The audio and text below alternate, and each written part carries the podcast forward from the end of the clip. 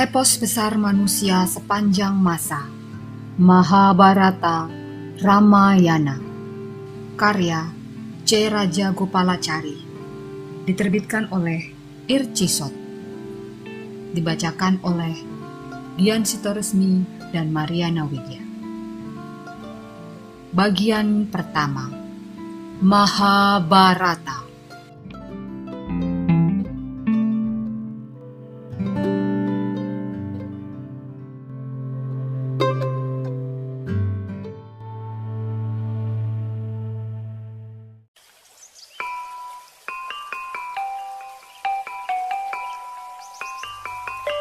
Bab 9 Kematian Pandu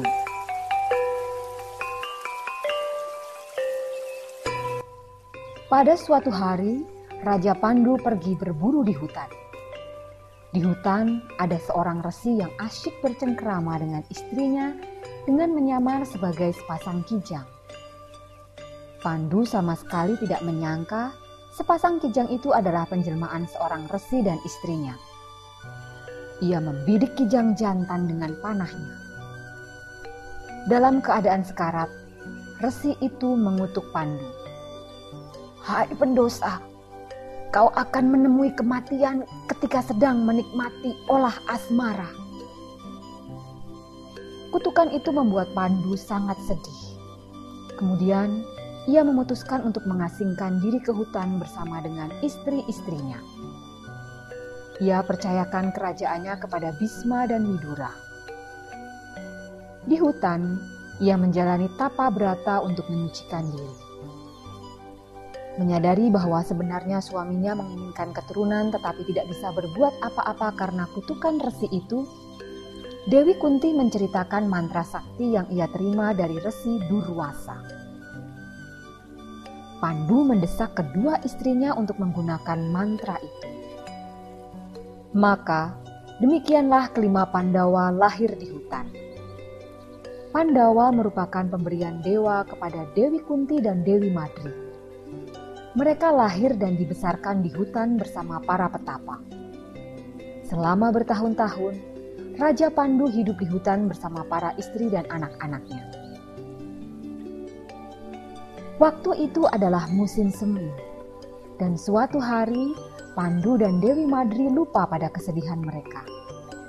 Alam sekitar memancarkan gairah, bunga-bunga bermekaran, tanaman berseri, burung-burung berkicau, aneka marga satwa memancarkan gairah hidup. Meskipun Madri berulang kali menolak, Pandu tidak kuasa menahan undangan kegairahan alam dan terjadilah kutukan itu. Pandu roboh dan meregang nyawa. Madri tidak dapat menahan kesedihannya karena merasa berdosa atas kematian suaminya, ia terjun ke dalam api yang digunakan untuk membakar suaminya. Sebelumnya, ia percayakan kedua anak kembarnya kepada Dewi Kunti. Para petapa membawa Dewi Kunti dan anak-anaknya yang dilanda rasa kehilangan dan kedukaan yang mendalam kembali ke Hastinapura. Mereka menyerahkan ibu dan anak-anak itu kepada Bisma, pada waktu itu, usia Yudhistira 16 tahun. Ketika para petapa tiba di Hastinapura dan melaporkan kematian Pandu, seluruh kerajaan dilanda kedukaan yang mendalam. Widura, Bisma, Destarata, dan pemuka kerajaan yang lain segera menyelenggarakan upacara kematian. Semua orang di kerajaan itu merasa sangat kehilangan Pandu. Begawan Wiyasa berkata kepada Setiawati, nenek Pandu, Masa lalu telah berlalu dengan menyenangkan, tetapi masa depan akan menanti dengan kedukaan yang menyakitkan.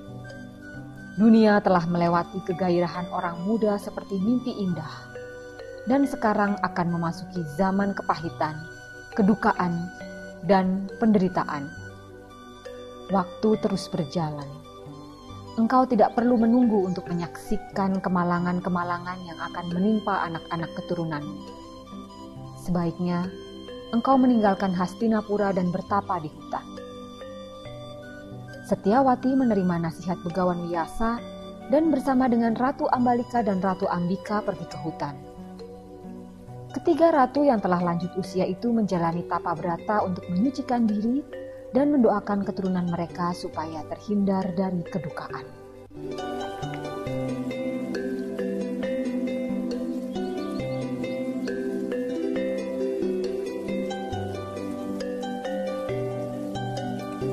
Dengarkan kisah selanjutnya di episode berikutnya.